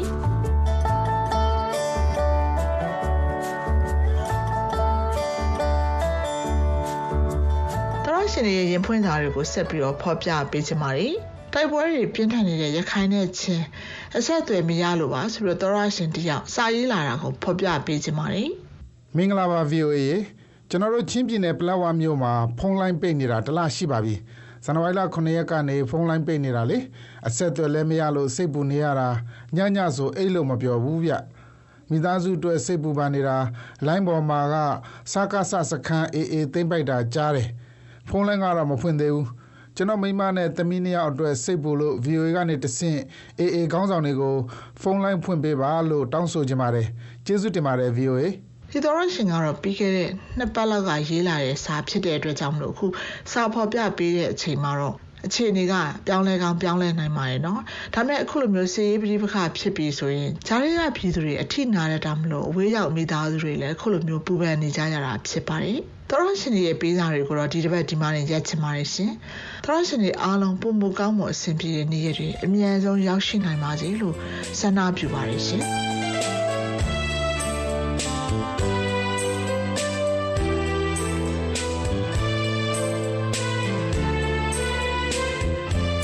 ဗီအိုအေမြန်မာပိုင်းရဲ့ရုပ်မြင်သံကြားနယ်ရေဒီယိုစီစဉ်တင်ဆက်မှုတွေနဲ့ပတ်သက်ပြီးတော့အကြံပေးဝေဖန်ခြင်းနဲ့ပြီးတော့ကိုယ်တိုင်အတွေ့အကြုံနေရတဲ့ဖြစ်ပျက်တွေနိုင်ငံရေးအခြေအနေတွေနဲ့ပတ်သက်ပြီးတော့ကိုယ်ပိုင်ထင်မြင်ယူဆချက်တွေရင်ဖွင့်စာတွေရေးစင်ကြတယ်ဆိုရင်တော့ကျမတို့ VOA ကိုစာရေးသားဖို့ဖိတ်ခေါ်ပါတယ်နော်။ email ကနေစာရေးမယ်ဆိုရင် bami@voanews.com ကို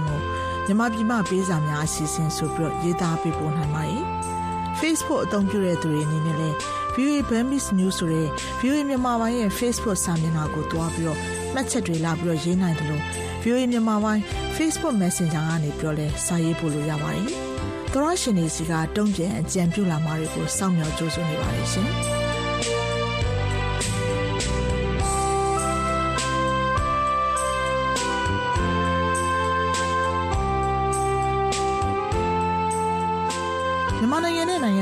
ရေးသားပေးပို့လာတဲ့ VOA မြန်မာပိုင်းသောရရှင်တွေရဲ့ဝေဖန်ကြံပေးစာတွေရင်ဖွင့်စာတွေနဲ့ဒေသချင်းတောင်းလွှာတွေကိုတနင်္ဂနွေနေ့ညပိုင်းနဲ့တနင်္လာနေ့မနက်ပိုင်းအချိန်တွေမှာမြန်မာပြည်ကပေးစာများအစီအစဉ်ကနေထုတ်လွှင့်တင်ဆက်ပေးနေပါတယ်။ရေဒီယိုကနေဖန်ယူနားဆင်နိုင်တဲ့အပြင်ရုပ်မြင်သံကြားကနေပြီးတော့လည်းထုတ်လွှင့်ပေးနေသလို VOA မြန်မာပိုင်း Facebook စာမျက်နှာနဲ့ YouTube စာမျက်နှာတို့ကနေပြီးတော့လည်းထုတ်လွှင့်ခြင်းနဲ့တပြိုင်နက်တည်းတိုက်ရိုက်နားဆင်နိုင်ပါတယ်။ တွင်းထုတ်ပေးခဲ့ပြီးတဲ့အစီအစဉ်တွေကို Facebook နဲ့ YouTube ပေါ်မှာပြန်ပြီးတော့နားထောင်နိုင်သလို VOA Internet စာမျက်နှာနဲ့ဖုန်းပေါ်က VOA App တွေမှာလည်းတွားပြီးတော့နားထောင်ကြည့်ရှုနိုင်ပါတယ်။ကျမတို့ရဲ့ VOA App နာမည်က VOA Burmese ဖြစ်ပါတယ်။ကျမတို့ရဲ့ Internet စာမျက်နှာလိပ်စာက burmese.voanews.com ဖြစ်ပါတယ်။ကျမအေးသနာကြောပါ VOA ကိုလည်းစာရေးကြပါအောင်နော်။သောရရှင်တွေအားလုံးဘေးရန်ရဲ့ကင်းရှင်းရွှင်လန်းချမ်းမြေ့ကြပါစေရှင်။ ခုတော့ကဘာတရထူးခြားတဲ့သတင်းလေးတွေကိုတင်ပြပေးပါဦးမယ်။အင်ဒိုနီးရှားနိုင်ငံသမ္မတရွေးကောက်ပွဲမှာချစ်သူများနေ့ကိုမှာကျင်းပခဲ့တာပါ။ပါတီကျွန်းမှာရှိတဲ့မဲရုံတစ်ခုဟာအသေးပုံဘောလုံးပန်းရောင်တွေချောကလက်တွေကြားလုံးတွေနဲ့မဲဆန္ဒရှင်တွေကိုကြိုဆိုခဲ့ပါတယ်။ပြင်သစ်နိုင်ငံသားတယောက်ဟာအမြင့်ပေ၂၃ပေကျော်ရှိတဲ့အီဖယ်မျှော်စင်ပုံစံတူတခုကိုမီးကျစ်ဆန်သစ်သားချောင်းလေးတွေနဲ့တည်ဆောက်ပြီးဂင်းနစ်ကမ္ဘာ့မှတ်တမ်းစံချိန်ချိုးလိုက်ပါတယ်။ဒီလိုကမ္ဘာတလွှားထူးခြားတဲ့သတင်းတွေကိုကိုငြိမ်းချမ်းနဲ့မခင်ဖြူထွေးတို့ကတင်ဆက်ထားပါတယ်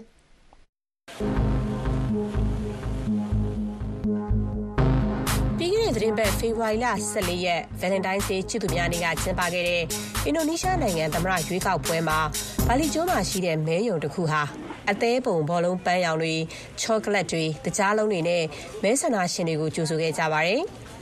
အမှတ်26တန်ဂျွန်ကန်စရီမဲယုံကအမျိုးသမီးဝန်ထမ်းတွေအားလုံးဟာပန်းရောင်ရိုးရာဝတ်စုံတွေကိုဝတ်ဆင်ခဲ့ကြပြီးမဲပေးပြီးတဲ့သူတိုင်းကိုချောကလက်နဲ့တကြားလုံးတွေပေးခဲ့ကြတာပါ။အခုလိုလှုပ်ဆောင်တဲ့အတွက်မဲပေးရတာပျော်စရာကောင်းလာတယ်လို့ပထမဦးဆုံးအချိန်မဲပေးခွင့်ရသူနီကွန်မန်ကပြောပါတယ်။ချစ်သူများနေ့မှာကိုကြိုက်တဲ့သူကိုမဲပေးခွင့်ရတာဟာချစ်ချင်းမြတ်တာကိုဖော်ပြခွင့်ရတာပဲလို့တခြားမဲဆန္ဒရှင်တူဖြစ်တဲ့ Agus Subrata ကလည်းပြောပါတယ် ကမ္ဘာတတိယအကြီးဆုံး ဒီမိုကရေစီနိုင်ငံဖြစ်တဲ့ အင်ဒိုနီးရှားနိုင်ငံမှာ လက်ရှိသမ္မတ ဂျိုကိုဝီဒိုဒို နေရာကို ဆက်ခံမဲ့သူကို ရွေးနေတာဖြစ်ပြီး ကမ္ဘာအကြီးဆုံးနဲ့ အရှုပ်ထွေးဆုံး ရွေးကောက်ပွဲကို တရက်တည်း အပြီးကျင်းပတာလည်း ဖြစ်ပါတယ်။အင်ဒိုနီးရှား လူဦးရေ သန်း290ကျော်မှာ လူဦးရေ သန်း200ကျော်လောက်က မဲပေးခွင့်ရှိတာလည်း ဖြစ်ပါတယ် ထိုင်းနိုင်ငံအရှေ့ပိုင်းထုံးမှုရီခရိုင်မှာချစ်သူများနေ့အထိမ်းအမှတ်ဖြစ်ဇုံတွဲကိုးတွဲဟာစင်တွေစီးပြီးမင်္ဂလာဆောင်ခဲ့ကြပါတယ်။မင်္ဂလာပွဲမှာထိုင်းရိုးရာဝတ်စုံတွေဝတ်ဆင်ထားကြပြီးကပြဖြောဖြေသူတွေရဲ့နောက်မှာစင်တွေနဲ့စီတန်းလှည့်လည်ခဲ့ကြတာပါ။နုံနုရှ်အပူပိုင်းဥယျာဉ်ကြီးထဲမှာကျင်းပတဲ့ဒီမင်္ဂလာပွဲမှာဒေသခံတာဝန်ရှိသူတို့ကတက်ရောက်ပြီးအတိမတ်ပြုလက်ထပ်စာချုပ်လက်မှတ်ရေးထိုးခဲ့ပါတယ်။စင်တွေနဲ့အခုလိုရိုးရာမင်္ဂလာဆောင်ပွဲကျင်းပတာဟာ ထိုင်းတွေအတွက်ရှေးရခင်ကလေးကအမျက်တနိုးတန်ဖိုးထားတဲ့ထုံနှန်းအစဉ်လာတစ်ခုဖြစ်တယ်လို့မင်္ဂလာဆောင်ခဲ့သူသတို့သမီးတို့ကပြောပါတယ်ခင်ဗျာကမ္ဘာတစ်ဝန်းနိုင်ငံပေါင်းစုံမှာပုံစံပေါင်းစုံနဲ့ချစ်သူများနေကိုဆင်နွှဲခဲ့ကြပေမဲ့လည်းအိန္ဒိယနိုင်ငံမှာတော့ချစ်သူများနေကျင်းပတာကိုအနောက်တိုင်းယဉ်ကျေးမှုလွှမ်းမိုးတယ်ဆိုပြီးကန့်ကွက်ဆန္ဒပြကြသူတွေလည်းရှိပါတယ်။အိန္ဒိယနိုင်ငံတောင်ပိုင်း ဟိုက်ဒရာဘတ်မြို့မှာ ဟိန္ဒူအမျိုးသားစစ်သွေးကြွအဖွဲ့ဝင်တွေက ချစ်သူများနေအထိမ်းအမှတ်ကပ်ပြားတွေကိုမိရှို့ဆန္ဒပြခဲ့ကြပြီးတော့2019ခုနှစ်က အသေးခံကားပုံခွဲ အတိုက်ခိုက်ခံခဲ့ရတဲ့ကိစ္စကို သတိရအောက်မေ့နေတာက ပိုကောင်းတယ်လို့ ပြောကြားခဲ့ကြပါတယ်။ဖေဖော်ဝါရီလ14ရက်2019ခုနှစ်တုန်းက ကက်ရှမီးယားဒေသမှာရှိတဲ့ ရဲစခန်းတစ်ခုကို စစ်သွေးကြွတအူကအသေးခံကားပုံခွဲ တိုက်ခတ်ခဲ့ပြီး အဲ့ဒီမှာရှိတဲ့ ရဲအယောက်40သေဆုံးခဲ့ရပါတယ်။ တချိန်တည်းမှာပဲအိန္ဒိယနိုင်ငံမြောက်ပိုင်းမှာရှိတဲ့နာမည်ကျော်အချစ်ရဲ့သင်္ကေတတစ်ခုဖြစ်တဲ့ Taj Mahal ဂူဗိမာန်ကြီးမှာတော့ချစ်သူများနေမှာလာရောက်လက်ပတ်ကြတဲ့ဇုံတွဲတွေကဘာလက်ခီးသွားတွေနဲ့စီကားနေပါတယ်ရှင်။ပြင်သစ်နိုင်ငံသားတယောက်ဟာအမြင့်ပေ23ပေကျော်ရှိတဲ့ Eiffel မျှော်စင်ပုံစံတူတစ်ခုကိုမီးကျစ်ဆန်တစ်သားကြောင်းလေးတွေနဲ့တီးဆောက်ပြီး Guinness ကမ္ဘာမှတ်တမ်းစံချိန်တင်လိုက်ပါတယ်။လက်ဘနွန်နိုင်ငံသားတူဖီတဟ 2009ခုနှစ်ကတည်းကတင်ထားတဲ့အရင်စံချိန်ဖြစ်တဲ့21ပေကျော်ကိုချိုးသွားနိုင်တာပါ။ Richard Plow ဆိုသူကဒီမျှော်စင်ကိုတီးဆောက်ဖို့အတွက်အချိန်၈နှစ်ကြာယူခဲ့ရပြီးတော့ကနဦးမှာတော့ Guinness ကမ္ဘာစံချိန်အဖွဲ့ကသူ့မျှော်စင်ကိုအတိမတ်ပြုဖို့ပဲချခဲ့တာပါအကြောင်းကတော့သူအသုံးပြုခဲ့တဲ့မိကျစ်ဆန်တစ်သားချောင်းလေးတွေဟာအပြည့်မအလွယ်တကူဝယ်လို့မရဘူးဆိုတဲ့အကြောင်းပြချက်နဲ့ပါ Richard Blount အနေနဲ့မိကျစ်ဆန်တစ်သားချောင်းလေးတွေရဲ့ထိပ်မှာ ရမ်းမပါတဲ့တစ်သားချောင်းလေးတွေကိုထုတ်လုပ်သူစီကနေတီးတန့်မှာယူခဲ့တာပါသူ့ရဲ့အကြောင်းပြချက်ကတော့ထိတ်ကရမ်းပါတဲ့အပိုင်းကိုဖြတ်ရတာအချိန်ကုန်တာကြောင့်ပါ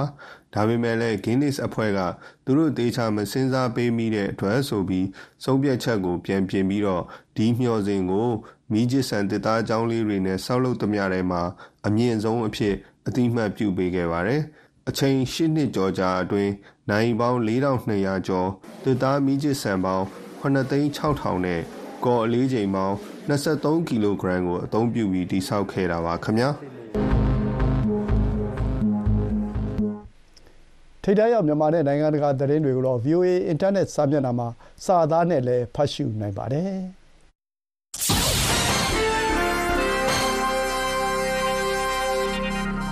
မေရိကန်ဆိုရရဲ့သဘောထားအမြင်အာဘော်ကိုတင်ပြပါတော့မယ်ခင်ဗျာ။ဖေဖော်ဝါရီလရဲ့တတိယမြောက်တနင်္လာနေ့မှာအမေရိကန်ပြည်သူလူထုဟာသမ္မတများနေ့ကိုကျင်းပကြပါတယ်။မျက်မှောက်ခေတ်မှာတော့ဒီနေ့ဟာအမေရိကန်သမ္မတဖြစ်တာဝန်ထမ်းဆောင်ခဲ့သူအားလုံးကိုဂုဏ်ပြုတာဖြစ်ပြီးအအထူးသဖြင့်မွေးနေ့အားဖြင့်ဆယ်ရက်သာခြားတဲ့ February 22ရက်နေ့ဘွာသမရ George Washington နဲ့ February 12ရက်နေ့ဖွာ Abraham Lincoln တို့ကို ဂုံပြုကျင်းပတာလည်းဖြစ်ပါတယ်။ဒါပေမဲ့ကနဦးအခမ်းအနားတွေနဲ့နောက်ပိုင်း1982ခုနှစ်မှာအားလက်ရဖြစ်တရားဝင်အသိမှတ်ပြုချိန်မှာဝါရှင်တန်ရဲ့မွေးနေ့နာမည်ကိုသမရများနေ့အဖြစ်ပြောင်းလဲတာမျိုးမရှိသလိုလင်ကွန်အမတ်တရကျင်းပတာမျိုးလည်းမရှိခဲ့ပါဘူး။ American ပြည်ထောင်စုရဲ့ပထမဆုံးသမရ George Washington ကိုကျေးဇူးတင်ဂုဏ်ပြုတဲ့နေ့တစ်နေ့အဖြစ်သာရှိခဲ့ပါတယ်။ George Washington ဟာ British Empire စီကနေလွတ်လပ်ရေးအရယူခဲ့တဲ့ American တော်လိုင်းတိုက်ပွဲဝင်တပ်ကိုဥဆောင်ခဲ့သူဖြစ်ပါတယ်။သူ့ရဲ့အမည်နာမဟာ American သမိုင်းမှာအလွန်အလွန်ကိုကြော်ကြားဩဇာတိကမကြီးသူဖြစ်ပါတယ်။သူ့ရဲ့မွေးနေ့ကိုအထိမ့်မှတ်ဂုဏ်ပြုကျင်းပခဲ့တဲ့ပထမဆုံးမှတ်တမ်းကိုတော့ Philadelphia မြို့နဲ့မဝေးလှတဲ့ Valley Forge လို့ခေါ်တဲ့ American တော်လိုင်းတပ်ရဲ့စောင်းရသည့်အခြေစိုက်စခန်းမှာ1988ခုနှစ်ကကျင်းပခဲ့တာဖြစ်ပါတယ်။ အဲ့ဒီအချိန်တုန်းကစစ်ပင်ခရာတိခတ်သူတွေဟာစခန်းရှိမှာဂီတဖျော်ဖြေပွဲတွေကျင်းပခဲ့ကြတာပါ။ George ဘရင်တွေအဆက်ရစရာဖြစ်စတင်ခဲ့တယ်လို့နောက်ပိုင်းမှာ George Washington ကဒီအခမ်းအနားနဲ့ပတ်သက်ပြီးပြန်ပြောင်းပြောခဲ့ဦးပါတယ်။ Washington ကိုနိုင်ကတော့ဒီလိုဂုဏ်ပြုပွဲတွေအခမ်းအနားတွေကျင်းပတာမျိုးကိုတိတ်ပြီးလိုလားခဲ့သူတော့မဟုတ်ပါဘူး။ဒါပေမဲ့လူပုဂ္ဂိုလ်တူးချင်းကိုစူးစီးနိုင်ပြီးနိုင်ငံသစ်ရဲ့ကောင်းကျိုးအတွက်လက်တွဲလှုပ်ဆောင်လှုံ့ဆော်ပေးနိုင်ဖို့လိုအပ်ချက်ကို သူကောင်းကောင်းနားလည်ခဲ့ပါတယ်။ American လူထုဟာဝါရှင်တန်ရဲ့မွေးနေ့ကိုသူကွယ်လွန်ခဲ့တဲ့1996ခုနှစ်နောက်ပိုင်းနှစ်တွေမှာတော့အလွတ်သဘောစတင်ကျင်းပလာကြပါတယ်။1889ခုနှစ်မှာတော့ February လဟာနိုင်ငံတော်အားလပ်ရဲ့အခါသမယဖြစ်လာပြီး February လရဲ့တတိယမြောက်တနင်္လာနေ့ကိုတရားဝင်ပြောင်းရွှေ့ဂုံပြုကျင်းပတဲ့ဥပဒေကိုတော့1982ခုနှစ်မှာစတင်အသက်ဝင်ခဲ့ပါတယ်။ ဝါရှင်တန်ဟာနိုင်ငံရဲ့အမြင့်ဆုံးယာရုနေရာမှာသူ့နောက်ပိုင်းတာဝန်ထမ်းဆောင်ခဲ့ကြတဲ့သမရတိုင်းအတွက်စံနမူနာပြုလိုက်သူဖြစ်ပါတယ်။သူဟာအမေရိကန်ပြည်ထောင်စုဆိုတဲ့ငယ်ရွယ်နှုတ်ပြတဲ့နိုင်ငံသစ်ကိုမွေးဖွားပေးခဲ့ကဗနာရေးအဖြစ်လဲခိုင်မာတည်ငြိမ်တဲ့ခြေလန်းချပေးနိုင်ခဲ့တယ်လို့ကနဦးကြုံတွေ့ခဲ့ရတဲ့အခက်အခဲတွေကိုကြော်လွှားကာတည်ငြိမ်ပြီးဒီမိုကရေစီနီးကျတရားဥပဒေစိုးမိုးတဲ့အစိုးရတရက်ကိုလှင်လင်းမြန်မြန်နဲ့ပဲ ဥဆောင်ပေးနိုင်ခဲ့ပါတယ်။သမရယာရုဖြစ်၄နှစ်သက်တမ်းနှစ်ကြိမ်တာဝန်ထမ်းဆောင်ပြီးမှလည်းသူ့သဘောဆန္ဒအလျောက်ယာရုကနေနှုတ်ထွက်ခါရွေးကောက်ခံရတဲ့ခေါင်းဆောင်တစ်ထံငိမ့်ငိမ့်ချမ်းချမ်းပဲအာဏာလွှဲပြောင်းပေးခြင်းအဖြစ်လဲ George Washington ဟာအနာဂတ်သမရအားလုံးအတွက်အရေးကြီးတဲ့စံနမူနာတရက်ကိုချမှတ်ပေးနိုင်ခဲ့သူဖြစ်ပါတယ်။ အမေရိကန်ဆိုရရဲ့သဘောထားအမြင်အာဘော်ကိုတင်ပြလို့ပြီးပါပြီ။ VOA ရုပ်သံကနေဆက်လက်အသံလွှင့်နေပါတယ်။အခုကြာရှိနေတဲ့အချိန်မှာသတင်းအကျဉ်းချုပ်ကိုပြောပြပါမယ်။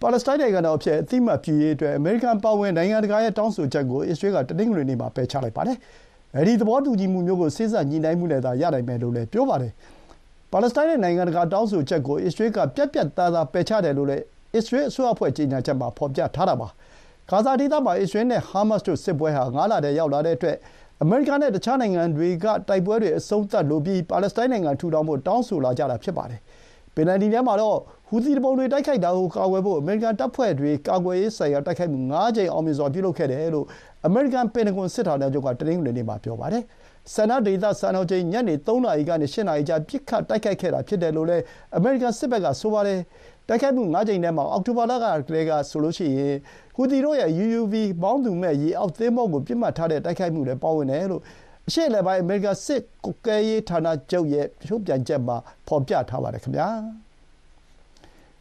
VOA ရုပ်သံရဲ့မနက်ပိုင်းအစီအစဉ်ကတော့ဒီလောက်ပါပဲခင်ဗျာဒီနေ့တနင်္လာမနေ့ အစီအစဉ်ထုတ်လွှင့်ရေးမှူးကကိုရဲမော်အောင်ဖြစ်ပါတယ်အခုစီစဉ်ကိုရေဒီယိုကလည်းမနေ့6နာရီကနေ9နာရီထိလိုင်းတိုမီတာ32 49နဲ့လိုင်းလက်မီတာ190ပြည့် VOA ရဲ့ Facebook စာမျက်နှာကနေလည်းဖမ်းယူနားဆင်ကြည့်ရှုနိုင်ပါတယ်သောတာရှင်များနဲ့တကွမြမပြည်သူပြည်သားအားလုံးဘေးအန္တရာယ်ကင်းလို့ကျမ်းမာရွှင်လန်းကြပါစေ VOA ကိုနားဆင်ကြတဲ့အတွက်လည်းကျေးဇူးအထူးတင်ပါတယ်ခင်ဗျာကျွန်တော်တမောင်သားပါ